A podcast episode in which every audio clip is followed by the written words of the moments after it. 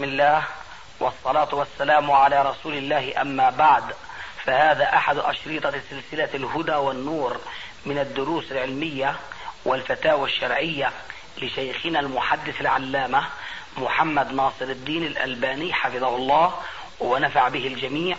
قام بتسجيلها والتأليف بينها محمد بن أحمد أبو ليلى الأثري. إخوة الإيمان والآن مع الشريط الثالث والثمانين بعد المئتين على واحد. بالنسبة لقضية حجاب المرأة والنقاب نعم. سمعنا أنكم يعني تعدون طبعة جديدة لحجاب المرأة المسلمة. أي نعم. وطبعا تعلمون آه، آه، أو طبعا لعلكم رأيتم كتاب عودة الحجاب. لمحمد بن إسماعيل اي نعم. المصري. رأيت الجزء الأول والثاني. اي نعم. نعم. الجزء الثالث طبع وفيه طبعا هذا المبحث مبحث النقاب نعم. وأيضا علمنا أنكم التقيتم معه في الحج أظن من ثلاث أو أربع سنوات. نعم. وتناقشتم. فكنا نريد يعني أن آه، نسمع منكم مضمون آه، أو ملخص هذه المناقشة. وهل رجع يعني لما لم يرجع عن قوله وكذا؟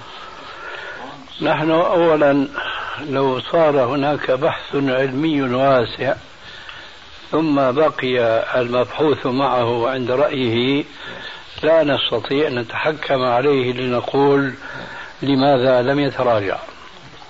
لأن هذا أمر يعود إلى القناعة الشخصية. هذا لو كان البحث بحثا كما يقال جامعا مانعا مستفيضا.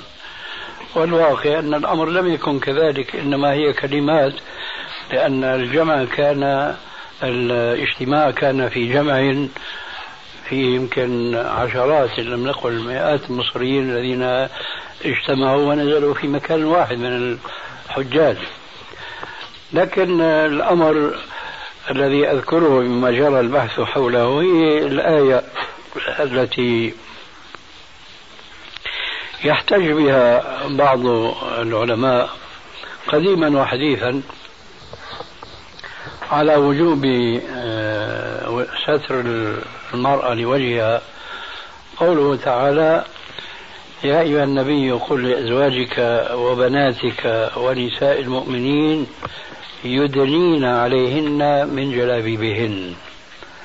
فنحن قلنا يومئذ ولا نزال نقول ونسجل ما نقول بأن قوله تعالى يدنين لا يعني بوجه من الوجوه آه، المأخوذة من اللغة العربية أو اللغة الشرعية أن المقصود من قوله يدنين أي يغطين لأن الإدناء هو التقريب. وبخاصة أن علماء التفسير مجمعون أو كأنهم مجمعون على أن هذه الآية نزلت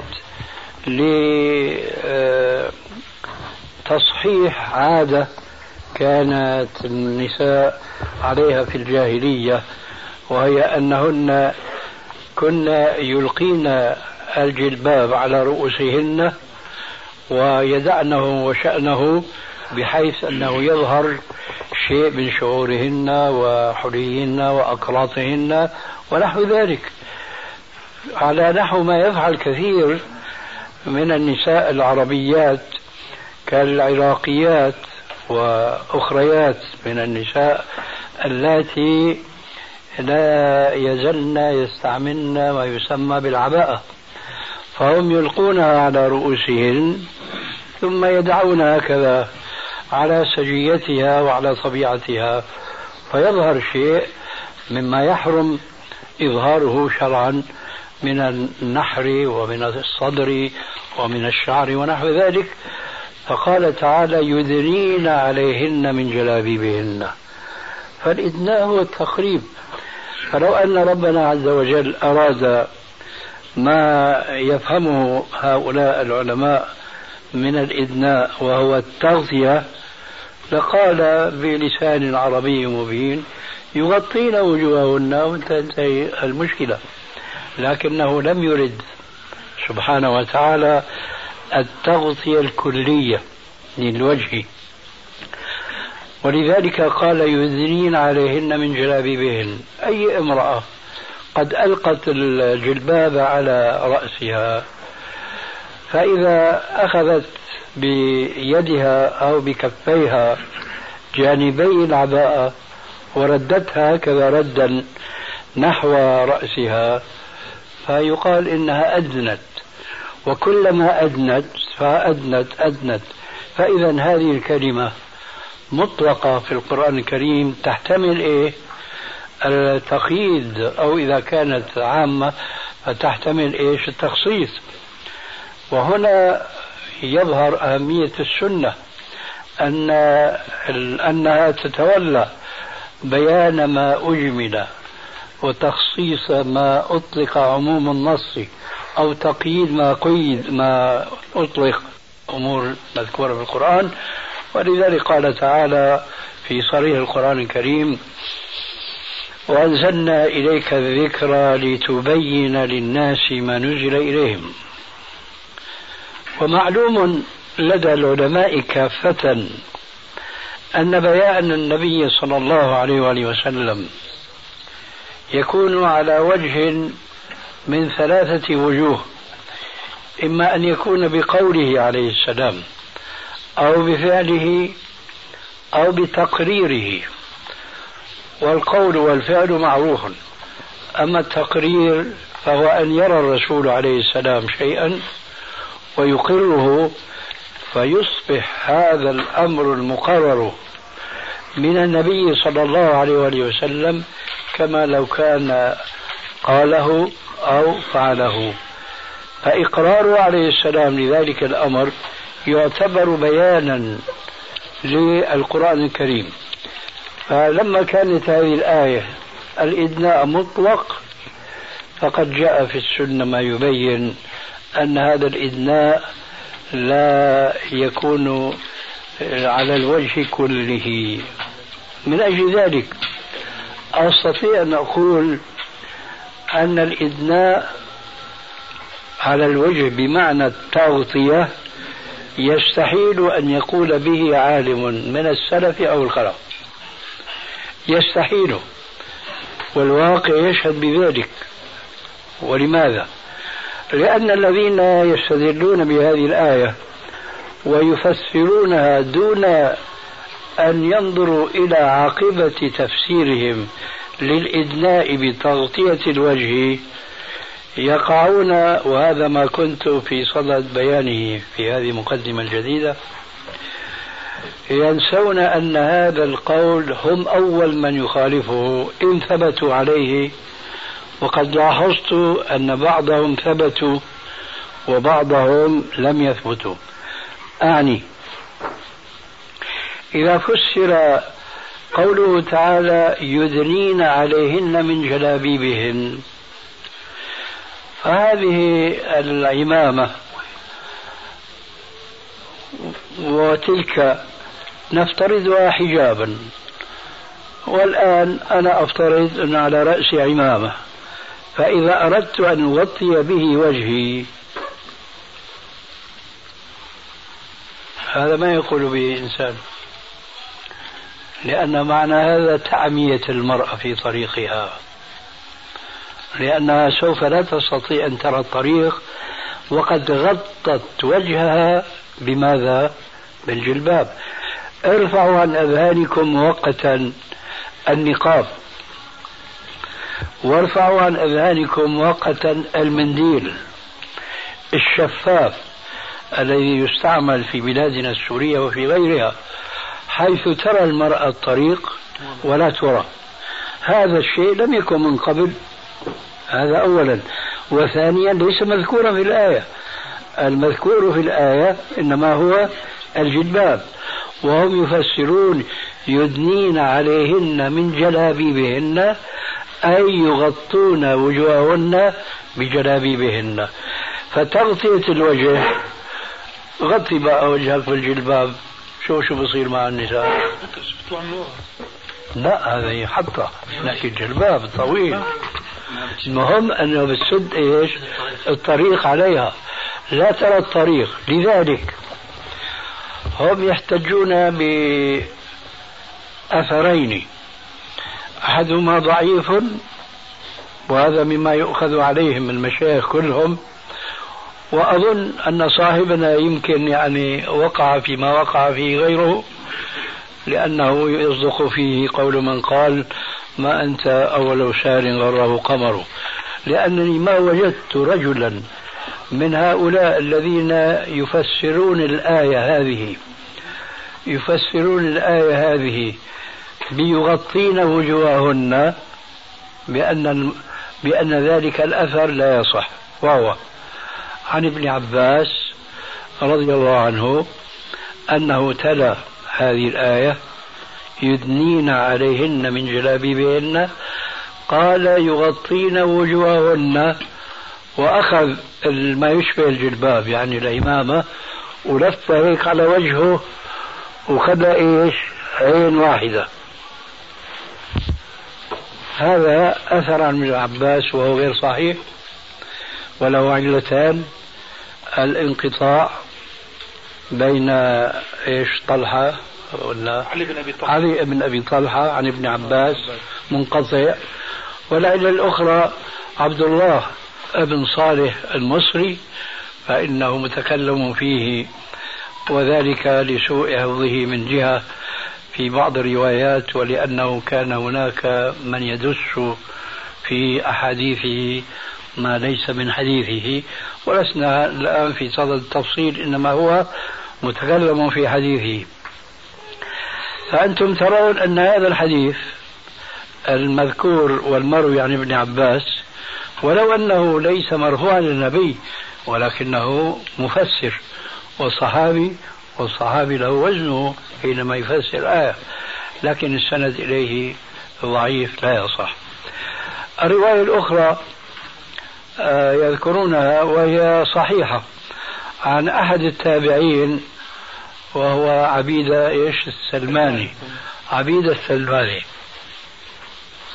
هو يقرأ هذه الآية ويفسرها عمليا أي يغطي عين ويكشف عين واحدة. هذا صحيح عن هذا التابعي. أسانيد لا غبار عليها إطلاقا. لكن أنا قلت في ردي الجديد لو كان هذا التفسير مرفوعا إلى النبي صلى الله عليه وآله وسلم لكان حديثا مرسلا والحديث المرسل إذا لم يكن هناك ما يدعمه ويأخذ من عضده فهو ضعيف لا يحتج به. وهذا الواقع هو أو هذا هو الواقع أن حديث السلماني هذا ليس يوجد هناك ما يشهد له وما يقويه وعلى العكس من ذلك يوجد ما يبين عن كثير من الصحابة ومنهم ابن عباس نفسه أن وجه المرأة وكفيها ليسوا من عورة المرأة. فلذلك لا يوجد ما يفسر الإدناء بتغطية الوجه مطلقا. ولذلك أنا قلت على سبيل النكتة الذين يقولون بأن الإدناء هو تغطية الوجه فهم أحرار. إن شاءوا يقولوا أن إحدى العينين ليس من الوجه ولذلك جاز كشفه عنه. وإنما هو من الوجه كما هو الواقع. وحينئذ لا تقولوا الآية تدل على وجوب ستر الوجه لأنكم خالفتم هذه الدعوة بإباحتكم للمرأة أن تكشف. والحمد لله حمد ربكم. أنه أفسحوا المجال لتكشف عن إيه؟ عن عين واحدة كثر خيرهم ولا كانوا بيعموها بالمرة. لكن زاد بعضهم العينتين والحمد لله. هذا خير من الأول. طيب من أين جئتم بالعين الأولى؟ أبحتموها واستثنيتموها من تغطية الوجه. هذه التغطية التي أخذتموها من إيه؟ من الإدناء آه. قالوا والله آه لاحظنا أنه لابد المرأة يعني تشوف الطريق. طيب والعين الثانية منين أبحتوا لها؟ العين واحدة بتكفي لأنه أباحوا النقاب. وبتعرف ام بلدهم أبو مصعب هذا بتعرفه أنت؟ مصعب من؟ ابو مصعب مدري شو اسمه. هذه مؤلف الباب في فرضية النقاب. الهنداوي هذا الهنداوي. إيه. بلغني شيخنا أنه تراجع. وأنا في مصر قيل لي أنه تراجع وندم عن كتابه. الله يهديك. هذا يعني أنا سجلته حقيقة. نعم. تعرفه ولا ما تعرفه؟ بعرفه نعم. شو بتعرف عنه؟ أعرف أنه يدرس فقه الشافعي مذهبي. آه. ويعني عنده مسألة التقليد. عنده يعني يمكن يكون هو سلفي في العقيدة. سلفي في العقيدة. ما يكون سلفي في الفروع. صحيح. مم. هذا هو الظاهر. الشاهد فالنقاب عند هؤلاء الذين يستدلون بالأثر عن ابن عباس وعن السلماني يقول بفرضية النقاب. فحينئذ قلت إذا كان ولا بد من استثناء عين واحدة أو عينتين تكشفهما المرأة لحاجتها ولمصلحتها إلى آخره. فمعنى ذلك اعتراف ضمني ما هو اعتراف علمي صريح بأن الآية لا تعني تغطية الوجه. أو على الأقل لا تعني تغطية الوجه كل الوجه إنما فيها الناحيتان. من النواحي الثلاثة التي أشرت إليها آنفا القول والفعل والتقرير. أما الناحية الأولى فهو قوله عليه السلام. أما الناحية الأخرى فهي الثالثة.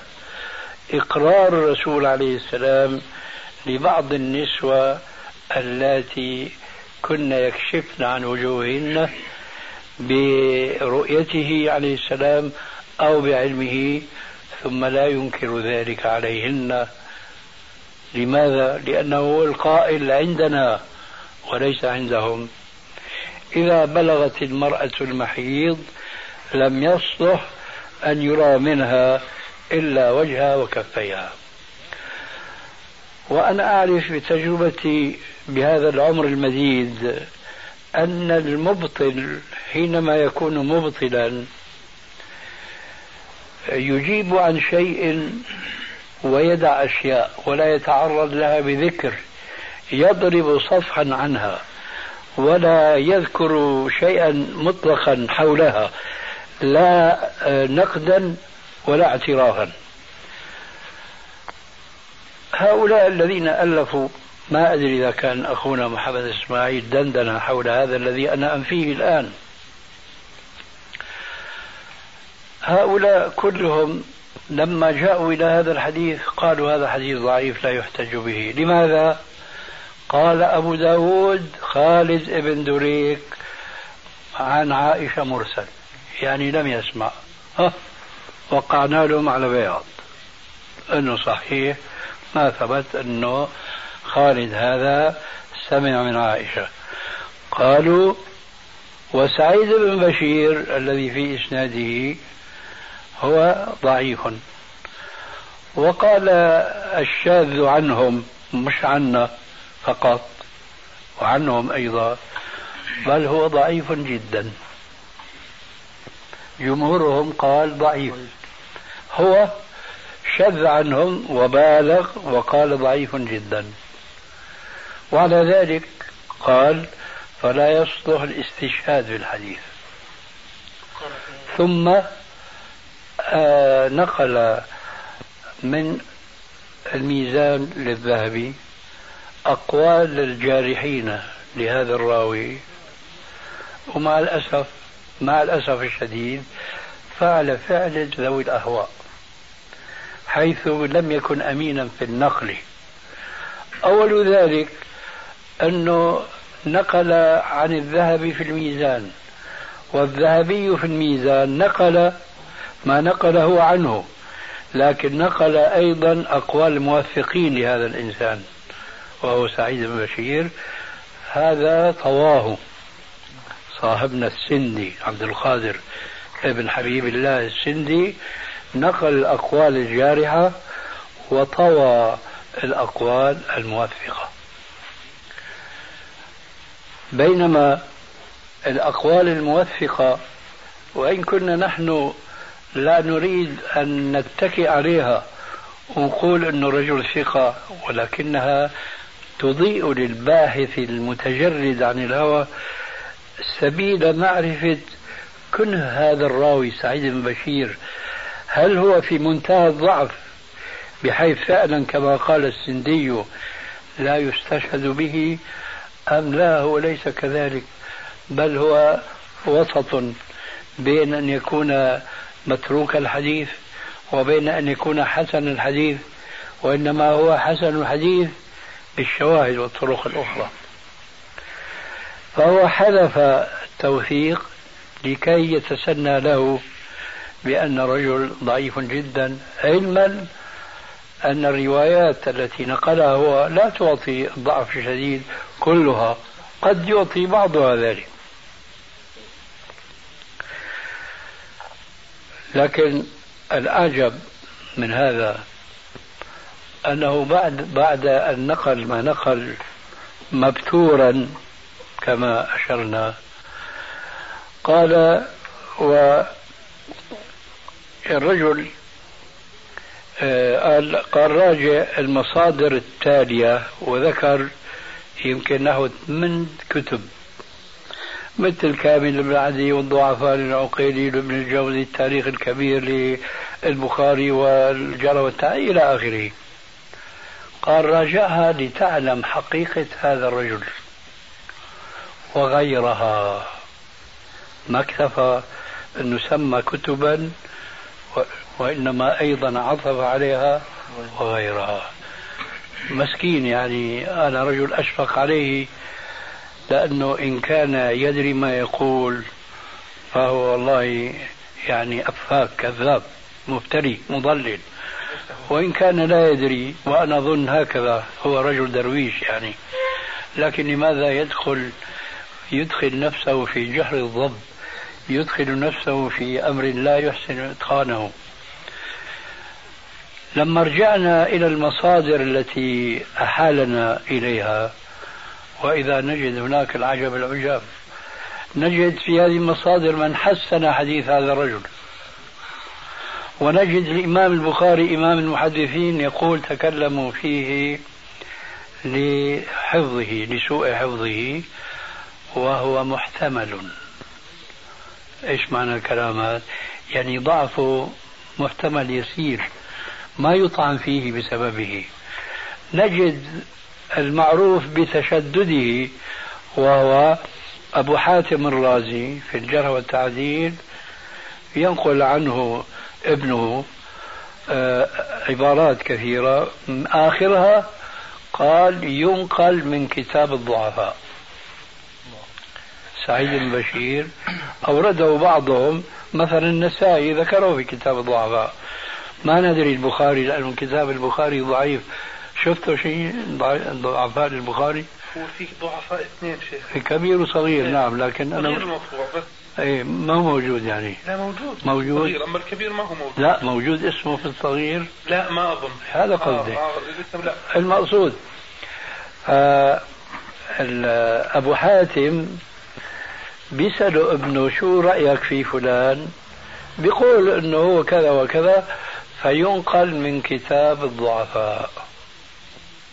معناها أنه يرفع من حديثه ولا يحط منه إلى مستوى أنه ضعيف جدا. فالمصادر اللي هو أحال إليها القراء وأنتم بتعرفوا يعني مش كل القراء عندهم استطاعة إنه يجوا يبحثوا ويفتشوا ويحققوا إلى آخره. ونحن بتعرف يعني من أقرب الناس ينقم علينا إنه بتدقق كثير يا أخي شيء طالع الروح يعني. إيه، وهذا التدقيق هو اللي طبعنا العلم عليه مش يعني هذا فضل منا لكن العلم بيتطلب هذا الأمر. اجينا لعنده غيره ما قال راجع المصادر كذا وكذا وغيره رجعنا غيره. وإذا حافظ ابن حجر في التهذيب بينقل عن البزار بأنه صارع الحديث. صارع الحديث يعني حسن الحديث. وبنرجع للذهبي وهذه فائدة مهمة جدا. كتابه الخاص في الرواة اللي تكلم فيهم آه. وإذا هو ذكروا في هذا الكتاب. أي نعم. فمعناها الرجل ليس بحاثا وليس عالما بالأصول أصول علم الحديث إلى آخره وإجا ورط حاله بهذه الورطة. فشذ عن جماعته هل يقتسموا على التضعيف وزاد هو كما يقال ضغثا على إبالة. فقال ضعيف جدا. ليش؟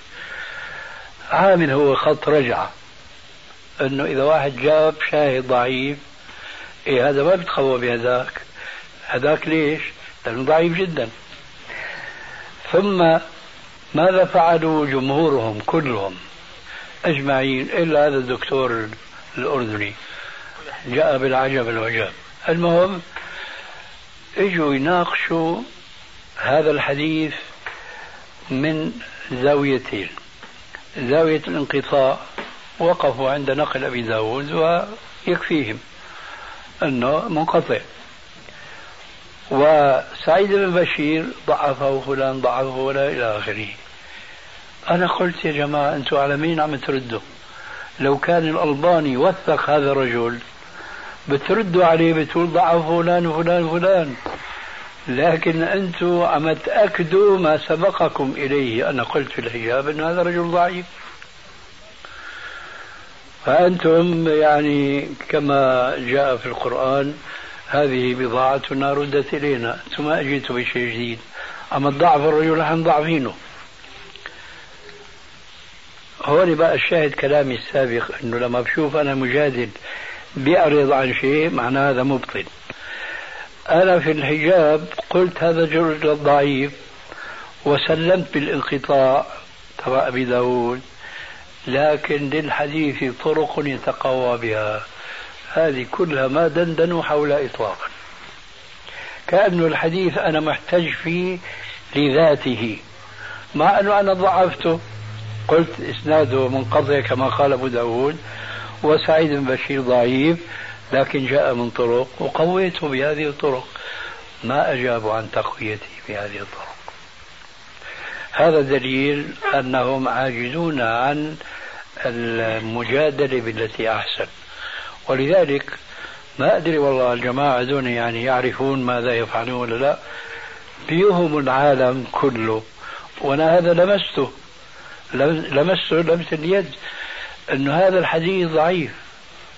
هي حجة الألباني ولذلك أرى بعض إخواننا المقربين إلينا وقلت لك في المشوار أنه من قريب كانوا عندنا في التارة وإذا به يبلغني أنه هذا الحديث ضعيف. طيب أنت دائما تردد على الشيخ ليش ما بتناقشوا فيها هاي؟ آخذ كلام الناس هذول اللي مضاعفين الحديث. ارجع الدين النصيحة. قول الشيخ هذول الجماعة عم الحديث. وانت عم تحتاج فيه دائما نسمعك تحتاج فيه إلى اخره أوهم العالم كله بهذا الأسلوب؟ هل أقل ما نقول فيه أنه قاصر إن لم نقل تحسينا للظن إنه أسلوب ماكر. اوهموا كل القراء أن الألباني يحتاج بحديث ضعيف. حتى إيش؟ بعض إخواننا المقربين إلينا. شو السبب؟ السبب أنهم يأخذون المسائل بالعواطف. ما يأخذونها بالعلم الذي يعدل العواطف الجامعة.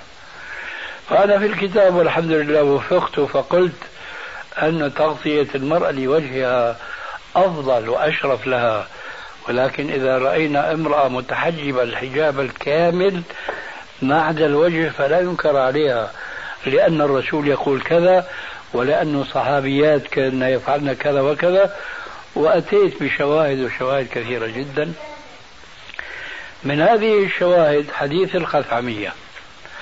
وهنا يظهر آه، أن هؤلاء موقفهم بالنسبة للسنة موقف أهل الأهواء تماما. فأنا في الكتاب والحمد لله وفقت فقلت أن تغطية المرأة لوجهها أفضل وأشرف لها. ولكن إذا رأينا امرأة متحجبة الحجاب الكامل ما عدا الوجه فلا ينكر عليها لأن الرسول يقول كذا ولأن صحابيات كأن يفعلن كذا وكذا وأتيت بشواهد وشواهد كثيرة جدا. من هذه الشواهد حديث الخثعمية وهنا يظهر آه، أن هؤلاء موقفهم بالنسبة للسنة موقف أهل الأهواء تماما. حيث يقولون يحتمل كذا ويحتمل كذا. وهذه الاحتمالات سبحان الله أقول كلمة ابن عمر رضي الله عنه لما جاءه سائل يسأله فأجابه قال أرأيت كذا وكذا. قال اجعل رأيت عند ذاك الكوكب. احتمال هذا غير وارد. ناس منهم شو بيقولوا؟ وهذا دليل بطلانهم. في مكان شو بيقولوا؟ بيقولوا إنه حديث الخثعمية كانت محرمة. والمحرمة لا يجوز لها أن تغطي وجهها. شوية بيمشوا بيمشوا بيمشوا. يقولون يجوز للمحرمة أن تسدل على وجهها. طيب السدل ما هو؟ أليس تغطية للوجه؟ نعم نحن نتفق معهم أن السدل بالنسبة للمحرمة غير الانتقاب لكن لما نحتج عليكم بحديث الخثعمية أنها سألت الرسول عليه السلام ربما بعض الإخوان ما يستحضرون هذا الحديث. أن النبي صلى الله عليه وسلم في حجة الوداع وهو في يوم النحر وكان ردفه الفضل ابن عباس رضي الله عنه فوقفت امرأة خثعمية تسأله وكانت حسناء فكان الفضل ينظر إليها وكان وضيئا. وتنظر إليه. فرد الرسول عليه السلام وجه الفضل إلى الجانب الآخر.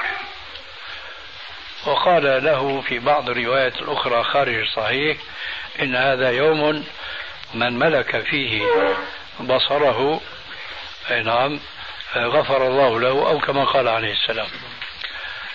إيه شو بيقولوا بقى؟ بيقولوا هي كانت محرمة. وعليكم السلام ورحمة الله.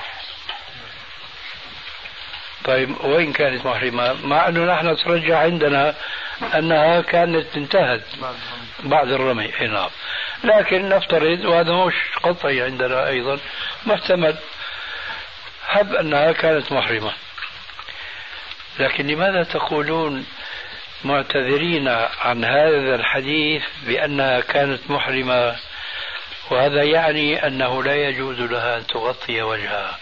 فتعتذرون بعلة الإحرام عن التغطية ثم في مناسبة أخرى بتقولوا يجوز للمحرمة أن تسدل على وجهها ولكن لا تنتقب ونحن نقول هكذا. إذا يأتي الجواب التالي وأنا ليش بحب أنه الإنسان لما بينسأل عن سؤال يجاوب جواب جذري ما يضطر السائل يعيد السؤال بعبارة أخرى. فهنا انظروا ماذا يصير. شو رأيكم حديث الخثعمية يا جماعة حديث صريح بأنه يجوز للمرأة أن تكشف عن وجهها بدليل أن الفضل كان ينظر إليها وكانت هي تنظر إليه كما هو ينظر إليها هي كانت محرمة. هذا جواب غير كافي لأنه سيأتي السؤال التالي ألا يجوز للمرأة أن تسدل على وجهها؟ سيضطرون نعم. خاصة بيقولوا إذا خشيت الفتنة. طيب الفتنة وقعت. الفتنة وقعت بدليل صرف الرسول لوجه الفضل إلى الجانب الآخر.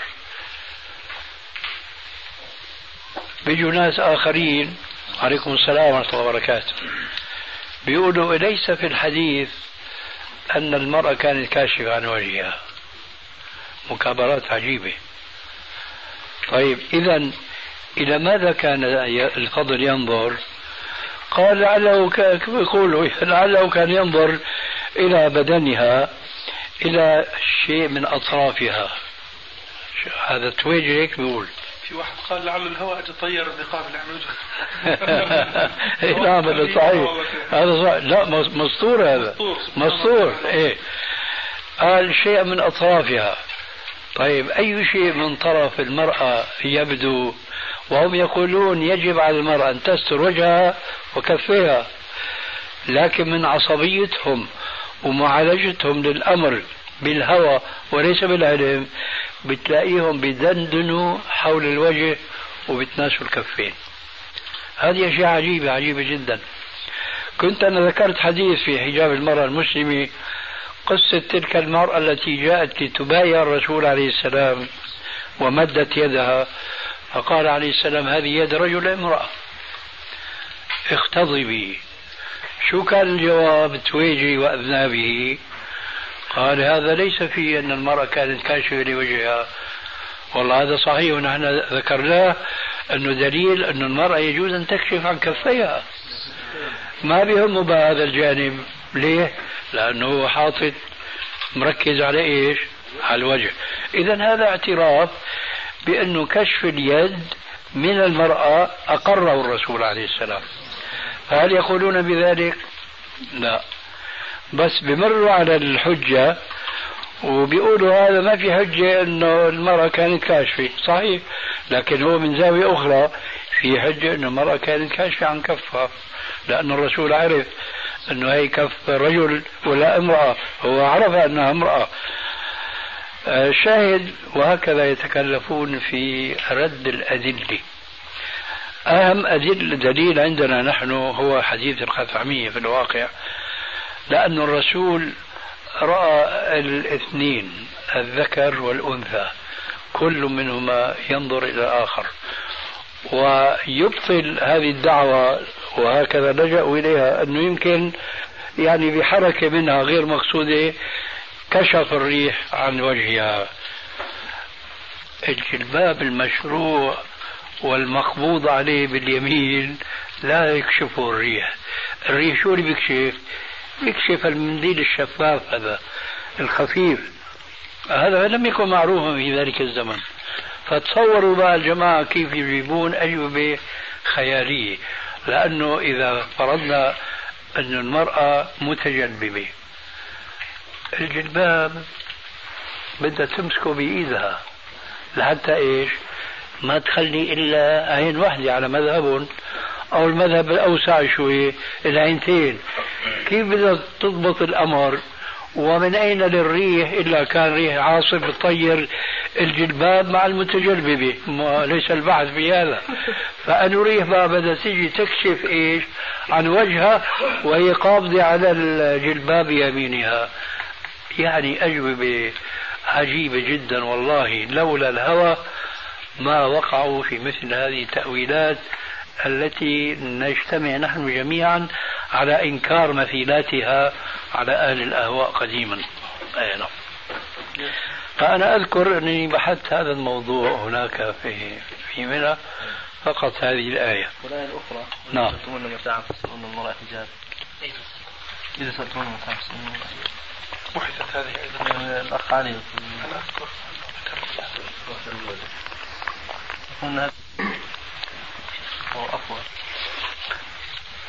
هذا وجدت عبارة لابن تيمية رائعة جدا. يقول الآية السابقة يدنين عليهن من جلابيبهن. هذا آه، حجاب الخروج. عم أقول لك الآية اللي ذكرناها. يدنين عليهن من جلابيبهن جلباب الخروج. هذا ستارة البيوت. كلام ابن تيمية. ولا يبدو أبدا اللي بيقرأ الآية هي بيفهم إنه مثل ما بيقولوا اليوم الست في البيت. وقاضي حريتها. أقل حرية مو حاطة خمار. فاجا الخباز أو اللحام أو إلى اخره دق الباب. شو بيعملوا اليوم المتبرجات؟ وكأنه أخوها أو شقيقها أو أو إلى آخره. فهيك كانوا في الجاهلية شايف؟ فالله عز وجل رباهم من وراء حجاب. ما تجي تكشفي حالك. احكي وراء حجاب وراء باب وراء ستارة وراء أي شيء حتى ما يرى منك ما هو محرم. الآية لا علاقة لها بالجلباب. إلى علاقة بالحجاب. والحجاب قد يكون جلبابا وهذا إذا خرجت. وقد يكون بابا. وهذا إذا كان في المنزل أنا ذكرت هذا قبل هالمرة في السعودية هناك لما كنا في البحر. عند رئيس الحرس الوطني. نفس كلامك هذا ذكرته. أي نعم. شيخنا ذكر يعني في شيء ظهر لبعض طلبة العلم. تفضل. القضية نفسها. فنريد يعني الاستفسار عن مدى صحته وثبوته. تفضل. يقول بأن من صفات الساتر لبدن المرأة وعورتها أن أن يكون له شرطان. الشرط الأول أن لا يصف ما تحته والشرط الثاني أن لا يصف والشرط الثاني أن لا يشف عما تحته. فيقول وهذا لا يتحقق في القفاز الذي يعني لا يشف عما تحته لكنه يصف. فلو كان عورة لما كان ساترا لها. فهذا دليل على أن اليد ليست بعورة. هذا جميل والله. شو رأي الأستاذ؟ جميل. حاجة. جميل بالنسبة لنا بالنسبة لهم. لكن بالنسبة لهم. بس أذكر لكم شيئا. قريبا أظن ما بعرف كنت يمكن جالس في المجلس. مع الأسف الشديد حتى اليوم ما رأيت من المذهبيين من يقول بالتفريق بين شرط ألا يصف وأن لا يشف. الشرط الأول عندهم ثانوي. الشرط الثاني هو الجوهري هو الأساسي. يعني اللباس الذي يكشف عن لون البشرة هذا لا يجوز عندهم. أما اللباس الذي يحجم فهو مكروه وكراهة تنزيه ولذلك قلت لك هذه الملاحظة التي أبداها من تشير إليه هذه مقبولة عندنا جدا أما عندهم لا لأنه هذا يحجم وهذا ما في مخالفة للشرع مكروه. ثم قد يقولون إذا أرادوا أن يتكلفوا قد يقولون أنه ليس من الضروري أنه يكون الكف على الطريقة الموجودة اليوم يكون كيس. كيس. وأنا شفت يمكن ما بعرف شفته ولا لا. شلون الجورب الجورب ما له أصابع. كمان في كف من صوف بيدخل يدخل الإنسان فيه ما بتتحجم الأصابع. ممكن يتكلف وقتها. لا تكلم بالمنطق هنا المنطق ضايع. لا تكلم بالمنطق. نعم. المشي أثناء الصلاة مشان السترة. آه إذا احفظ سؤالك. معليش؟ معليش تحفظ سؤالك. سؤالك شوي بما يخلص الشيخ. آه. فأنا أقول أنه شرط الثوب ألا يحجم. ليس فقط ألا يشف عما تحته هذا الشرط عدم الشفافية متفق عليه. أما شرط عدم التحجيم مع أنه ذكرت أنا في الحجاب أن الرسول أمر أن تضع غلالة لكي لا يصف إيش خبطي رأسها حجم عظامها. فهذا حملوه على إيش؟ على الكراهة. لذلك الملاحظة هذه ما ترد بالنسبة إليهم لكن أنا أوردت عليهم أشياء خطيرة جدا. بسم الله. في أي مجلس كنا لما حكيت قصة الرياضي البحرة في المرجي ها؟ آه. يمكن شفتوا هالأشياء أنا شفتها مو هلا. شبابي مثلكم يعني لما كنت فكنت بحب شاهد بعض ليش مباريات والبطولات إلى آخره. كانوا يعلنون في الجرائد إنه في تاريخ كذا سيكون هناك البطل الفلاني المصارع الفلاني ال ال إلى آخره. حضرنا حطوا منصة عالية صعد إليها البطل لقب البحر هناك. صار يرجي عضلاته فعلا يعني بتشوف عجائب. نحن ما نشعر فيها لأنه ما لنا إيش؟ متريضين. شو لابس هذا الرياضي؟ لابس ما يسمى باللغة العربية التبان وما هو معروف عندكم بالشورت. أو المايو. مايو مايو. إيه الشورت هذا يسمى يمكن في لغة الكشافة الشاهد اللباس ليس له أكمام. لا يستر الفخذين. ما هو المستور؟ العورة الكبرى يعني القبل والدبر. الآن أنا لما شفت هذه الشوهة خطر في بالي هذا الرأي الفقهي المتأخر أنه معلش يكون الثوب يحجم لكن بس ما يشف. قلت سبحان الله خليه يشوفوا المنظر هذا. في إنسان عنده شيء من الغيرة. بيقول هذا المنظر جائز في الشرع. خلينا نقول إنه هذا الثوب يا سيدي طويل ساتر إيش الفخذين. لكن هو محجر إيه؟ محجب الخصيتين. وما فوقهما. شو رأيكم؟ هذا مكروه؟ ما أظن إنسان يقول بكراهة. يقول هذا محرم. ليش؟ لأنه ما بغير انه يكشف عن عورته ربي كما خلقتني. فالاعتقاد بأنه لا يشترط شرط أساسي أن الثوب لا يحجم هذا أنا أعتقد. وعليكم السلام ورحمة الله وبركاته. أعتقد أن الجماعة قالوا بأنه مكروه تنزيها لأنهم عليكم السلام ورحمة الله. ما تخيلوا الظاهر مبلغ قباحة ما قد يكون في المستقبل القريب أو البعيد من ثياب تحجم العضو تحجيما كما لو لم يكن نعم؟ كما الأكمام يعني. آه. كما لو لم يكن ملبوسا. وأخيرا بقول هناك آه، كوشوك يوضع في العضو من أجل منع الحمل. كان قديما هذا قبل اكتشاف ما يسمى باللولب وبعض الحبوب المانعة من الحمل. كان نعم لا يزال. آه. في كواشيك في كواشيك توضع الإصبع المجروحة. طيب. هذا الكوشوك هذا الكبوت اللي بيقول أبو عبد الله اسمه هيك إذا ركب في العضو ورآه الناس مكروه تنزيها يا جماعة قد يكون هالكبوت هذا كما يقول صاحبنا قد يكون لونه أجمل من لون العضو نفسه. مع ذلك يقال إيش؟ أنه هذا مكروه تنزيها. لذلك بارك الله فيك هذا الجواب بالنسبة لأصولنا ماشي تماما. وهو دليل عملي أنه صحيح الأفضل الستر لكن هو ليس بفرض وإنما هو أمر مستحب.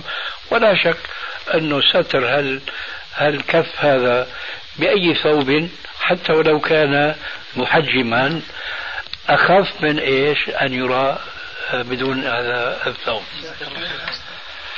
هذا ما عندي حول هذه المسألة. بتريدوا نصلي ولا نتابع؟ أو نسمع نسمع السؤال هنا لأنه خاف ما يكون طويل بال مثل حكايتنا ها؟ طيب جزاك الله خير. تفضل. بالنسبة للأكمام الأكمام التي تلبسها المرأة في حجابها. الأكمام؟ الأكمام نعم. يعني هذول نعم. طيب. هل تدخل تحت البحث أو أو أوضح. تحجيم؟ إيه تحجيم يعني هذا طبعا الذراع عورة. إيه. فإذا امرأة لبست هذا الكم وكان يعني في محجما. محجما. كله يدخل. طبعا. اي نعم كله يدخل. نأخر صلاة العشاء شيخنا للأفضل طيب. طيب شيخ. وين صاحبنا؟ غيره. تفضل. اي نعم أستاذ متعلق بحديث الخطامية آه. اللي سبق ذكره. اي تفضل. في كلمة استاذي وردت في كلامكم حول حديث الخثعمية اي نعم اللي هي إنه بعد الرمي. عقبت على هذه الكلمة بقولك شيخنا هذا ليس بقطعي ولكن محتمل. فيعني يعني, يعني رأينا نحن رأينا اجتهادنا الذي كنا ذكرناه في الحجاب أن هذا كان بعد الرمي. نعم. شوف وبعد الرمي عندنا يحصل التحلل. نعم. عند غيرنا لا يحصل التحلل بمجرد الرمي. لابد إيش؟ من الحلق. ما أدري إذا كانوا بيذكروا شيء آخر أيضا. فنقول نحن هنا وهذا من معنى كلامنا إنه نحن لا نتعصب لرأينا. لما تكون مسألة فيها أخذ ورد فيها اعتماد فهن بيقولوا مثلا هب إنه كان بعد الرمي لكن ما عندنا دليل إنه كان بعد كذا وكذا كما يقول بعضهم. فنحن نفترض هذا ومنجاوب عليه. هبوا إنه لم يكن بعد التحلل الأول. طيب. كانت محرمة. ألا يجوز للمحرمة أن تسدل على وجه أي نعم. اذا لماذا تقولون؟ وإتماما لهذا الموضوع ويكفي يعني ما سبق بيانه أنا أقول للناس جميعا وفي مقدمتهم المشايخ المتشددين في الموضوع والمتأولين لأحاديث كثيرة وبخاصة منها حديث الخثعمية. يا حضرات المشايخ ليفترض كل منكم نفسه وقعت له مشكلة تشبه تلك المشكلة تماما.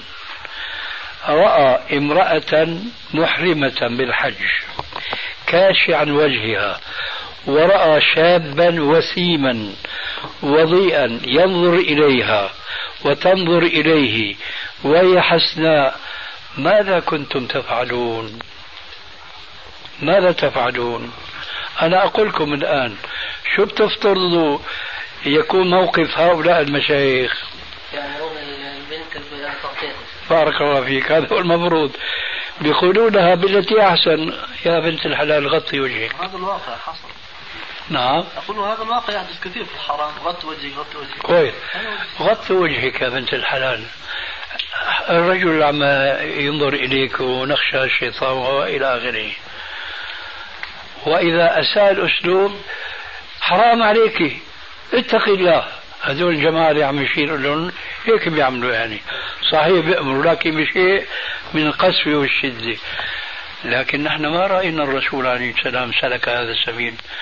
وهو سيد الآمرين بالمعروف والناهين عن المنكر. وهو رب الحكمة العملية. ها؟ ماذا فعل؟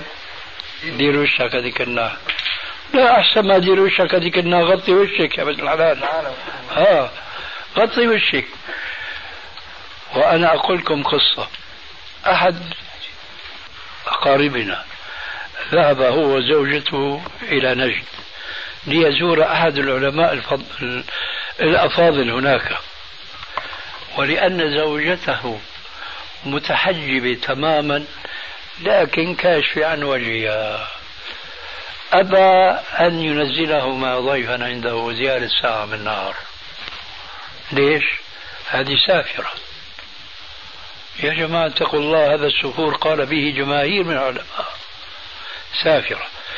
فإذا كان هذا موقف عالمهم فكيف لو رأى ما رأى نبينا صلوات الله وسلامه عليه؟ ماذا كانوا يفعلون بالخثعمية؟ كانوا بيهججوها. كانوا بيطيحوا بها. لكن الرسول عليه السلام لم يفعل شيئا من ذلك. لماذا؟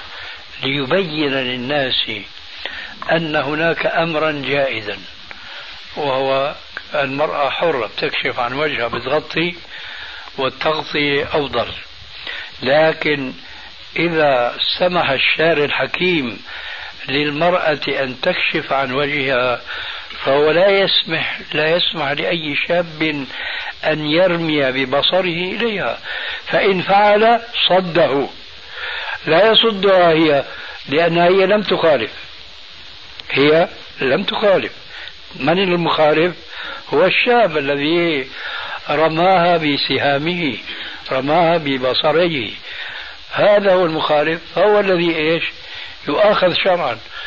لهذا الرسول عليه السلام رآه وهو الحكيم البصير بمعالجة الأمراض الطارئة. قال لفضل اصرف وجهك الناحية الأخرى لا تنظر إليها وكان باستطاعته أن ينظر إليها أن يقول إليها اسدني على وجهك. اقطعي دابر الشيطان. اقطعي دابر الشيطان. ما فعل الرسول. ولذلك نحن نرى أن موقف المتشبعين برأي خلاف السنة سيخالفون سنة الرسول العملية. شاءوا ومضوا لا سبيل لهم إلا. وهنا نقول وحسبكم هذا التفاوت بيننا وكل إناء بما فيه ينضح. في شيء عملي يا شيخي في شيء عملي بيحدث يعني مع بعض النساء المت يعني متحجبات عن الوجه انها قد تنظر هي إلى الرجل يعني كما تشاء. أي نعم دون أن يراها الرجل. ما هذا ماذا نقول لهذه المرأة؟ وقل للمؤمنين يغضوا من أبصارهم ويحفظوا فروجهم. وقل للمؤمنات يغضضن من أبصارهن ويحفظن فروجهم ولذلك نحن قلنا قلنا إذا كان الأمر هم يفلسفون الموضوع ولا يقفون مع الأسف عند الأدلة النقلية. يحاولون إقناع الناس بالعواطف البشرية. بيقولوا أجمل ما في المرأة الوجه. كيف يعقل أن الشرع يسمح للمرأة أن تكشف عن وجهها؟ وأجمل ما في المرأة وجهها؟ قلنا هذا كلام صحيح لكن أنتم تناقشون المسألة بالرأي بالنظر أي بما يشبه الفلسفة النظرية هذه. فنحن جريا معكم في هذه الفلسفة نقول يعني مقتبسين من سيرتهم وليس من هديهم. نقول وأجمل ما في المرأة عيناها. إذا عموها عموها لا تسمح لها بأن تكشف عن عينيها لأنه أجمل ما في المرأة عيناها. فيها إشكال هذه؟ لا لا بد للمرأة أن ترى طريقها. جزاكم الله خير. بعين واحدة ولا بعينتين؟ لا بعينتين. خالفت النص. النص عين واحدة. النص اللي هنا بيحتجوا فيه يعني. أحدهما ضعيف. عن ابن عباس كما ذكرنا. والآخر صحيح لكن عن تابعي وليس مرفوعا. ثم قلنا أخيرا إذا كان الأمر كذلك فأستروا وجوه شبابكم عن نسائكم. أستروا وجوه شبابكم عن نسائكم. شوف أنا بتصور أبو عبد الله يوم كان شاب فتن للنساء. ولا شك يعني. لازم كان يحط منديل حتى ما ينفتن النساء به. لا ما في عنا نص يأمر إيش؟ الله أكبر يا جماعة والله الإنسان لما بيقرأ ردود هؤلاء الناس يتعجب من فلسفتهم. وصل بهم الأمر قالوا أنه إذا كان هناك أمر جميل الصورة فلا يجوز أن يظهر كما تظهر النساء. لازم يضع منديل قالوا هذا. طيب يا جماعة وين ذهبتم إلى قولي من قوله تعالى وقل للمؤمنين يغضوا من أبصارهم. فالحل المشكلة؟ ما هو بمجرد التغطية. بده يكون في وازع نفسي. الوازع النفسي هو الذي ربنا عز وجل آه، ألمح إليه حينما قال حينما قال وقل للمؤمنين يغضوا من أبصارهم ويحفظوا فروجهم. وقل للمؤمنات يغضضن من أبصارهن ويحفظن فروجهن. لماذا خاطب النساء؟ لأنهن لا بد أن يرين من الرجال أجمل ما فيه على حد تعبيرهم وهو الوجه. طيب ولماذا قال للرجال وقل للمؤمنين يغضوا من أبصارهم ويحفظوا فروجهم؟ إخوة الإيمان تتمة الكلام في الشريط التالي. بالمرأة ألا هو الوجه. ولذلك قال للفريقين غضوا أبصاركم بعضكم عن بعض. شو بيقولوا إني تعطيل لنصوص الكتاب والسنة. يغضوا من أبصارهم يعني إذا هيك مثل ما قال صاحبنا هذيك الساعة إجت ريح وكشفت البرقع مثلا عن الوجه وإيش؟